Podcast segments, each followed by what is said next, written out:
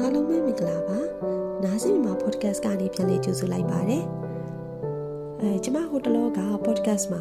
အောင်မြင်မှုဆိုတာကိုဘယ်လိုယူဆကြလဲဆိုတာနဲ့ပတ်သက်ပြီးအတွေ့အကြုံကိုဖော်ပြခဲ့တယ်ပေါ့နော်လွန်ခဲ့တဲ့တလနှစ်လလောက်ကဖြစ်မယ်အဲအခုကျမအဲ့ဒါနဲ့ဆက်ဆက်တွေးလို့ရမယ့်အကြောင်းလေးတစ်ခုကိုထပ်မံဝေမျှခြင်းပါတယ်အဲ့ဒါကတော့အချိန်ဆိုတဲ့အရာပါပဲအဲဘာလို့အောင်မြင်မှုနဲ့အချိန်ဆိုတာ ဆက်ဆက်နေတယ်လို့တွေးရတယ်လဲဆိုတာကိုလည်းဥပမာလေးတွေနဲ့ကျွန်မဆက်လက်ရှင်းပြခြင်းပါတယ်မူလာတန်းလောက်ရွယ်ငငယ်တော့ကကိုရီစားခဲ့ရတဲ့သဘောကျခဲ့ရတဲ့မုတ်ထုတ်တွေမုံပုံစံလေးတွေပေါ့နော်အဲ့ဒါလေးတွေကိုကျမတို့အခုချိန်စားကြည့်တဲ့အခါမှာစားနေတော့ငယ်ဘဝကိုပြန်သတိရမိပြင်မဲ့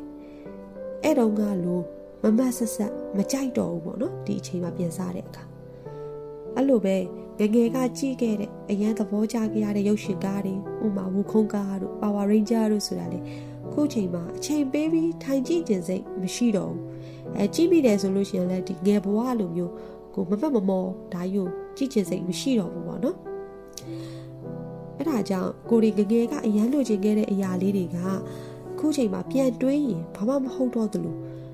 တခါတလေမှာငငယ်ကအမှုမဲ့အမှတ်မဲ့ထားခဲ့တဲ့အရာလေးတွေကို ခုချိန်မှာဒါဒီဂယုဆိုင်ရကောင်းပါလားဆိုတာမျိုးသိလာတယ်ပေါ့နော်ဒါကဘာကိုပြလဲဆိုရင်အချိန်တစ်ခုပြောင်းလဲလာတဲ့နောက်မှာကျမတို့တွေကြီးပြင်းလာပြောင်းလဲလာတာကိုပြပါတယ်အတွေ့အကြုံတွေပုံမူတည်ပြီးတော့အတွေးခေါ်တွေပြောင်းလာတယ်ရက်တီချက်တွေခံယူချက်တွေသဘောထားတွေပြောင်းလာတယ်ဘဝအပေါ်ရှုမြင်တဲ့ပုံစံတွေပြောင်းလာတယ်ဒီလိုမျိုးကျမတို့တွေအချိန်နဲ့မျှပြောင်းလဲလာတဲ့နောက်မှာ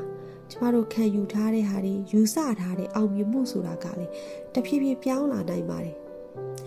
ပြောင်းလာကြတာလည်းများတယ်ပေါ့နော်အဲအသက်20အရွယ်မှာယူဆထားတဲ့အောင်မြင်မှုဆိုတာနဲ့အသက်40အရွယ်လူလက်ပိုင်းတစ်ယောက်ဖြစ်သွားတဲ့အခါမှာယူဆပုံဟာတူချင်မှတူပါတော့မယ်အသက်60 80ရောက်ပြီဆိုရင်တော့ကိုအသက်20အရွယ်ကတွေးထားခဲ့တဲ့ယူဆထားတဲ့ယူဆချက်တွေအတွေးအခေါ်တွေ နဲ့အများကြီးပေါ့နော်ကွဲပြားနေလောက်ပါပြီဒါကြောင့်အသက်20မှာလိုချင်တဲ့အရာတစ်ခုကိုအသက်40မှာရရှိတဲ့အခါကိုကိုကိုအောင်မြင်တယ်လို့ခံစားခြင်းမှာခံစားရမှာပါ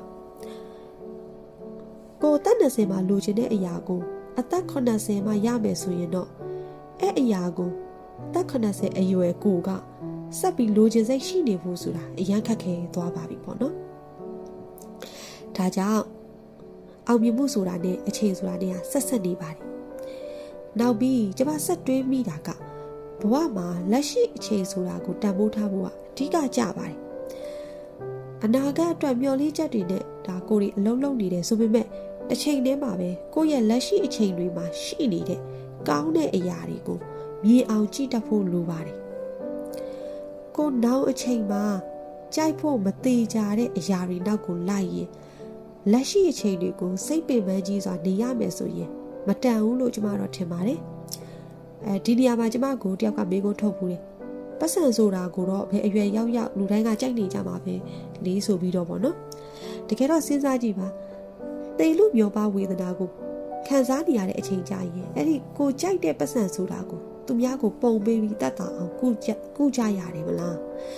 ယောဂဝေဒနာဖြီးစည်းနေတဲ့အချိန်မှာဆိုလို့ရှိရင်ပတ်စံဆိုတာတက် ဝေဒနာတက်တာဖို့ဆိုတာကိုပို့ပြီးကြိုက်ကြတယ်ပို့ပြီးလိုချင်ကြတာပဲလीနော်ဒါကြောင့်အနာဂတ်အတွက်လည်းပြင်ဆင်ပြီးဇွဲရှိရှိစူးစမ်းနေရမှာဖြစ်တယ်လို့လက်ရှိအချိန်ကိုလည်းတန်မိုးထားပြီးတော့တန်မိုးရှိရှိနေ့ရက်တိုင်းချိန်တိုင်းကိုဖြတ်တန်းသင့်ပါတယ်အဲဥပမာဆိုရရင်အနာဂတ်အတွက်ပြင်ဆင်နေရလို့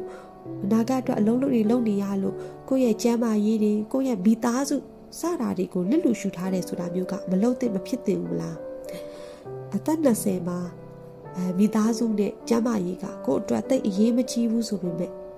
အသက်40မှာမိသားစုကအရေးအပါဆုံးဖြစ်နေနိုင်တယ်လို့အသက်60အရွယ်မှာကျန်းမာရေးကကိုယ့်အတွက်အရာရာပဲကျန်းမာရေးကောင်းရင်ရပြီဆိုတာမျိုးဖြစ်နေနိုင်ပါတယ်ဒါကြောင့်အောင်မြင်မှုဆိုတာနဲ့အတူအချိန်ဆိုတာကိုပါဂရုပြုစီခြင်းပါတယ် ဟုတ်ကဲ့ပါ အခုလိုမျိုးနားထောင်ပေးတဲ့အတွက်လည်းအဲကျေးဇူးများကြီးတင်ပါတယ်အချိန်ပေးပြီးတော့ဒီနားစင်မှာ podcast ကိုအဲဆက်လက်ပြီးတော့လည်းနားဆင်ပေးဖို့အတွက်ဖိတ်ခေါ်လိုပါတယ်နားဆင်မှာ podcast ကနေလည်းနောက်ထပ် episode တွေမှာဘာတွေဆွေးနွေးသွားကြအောင်မလဲဆိုတာကိုလည်းစောင့်မျှော်ပေးကြပါအောင်เนาะအားလုံးပဲကြမှာပေးကြပါစေရှင်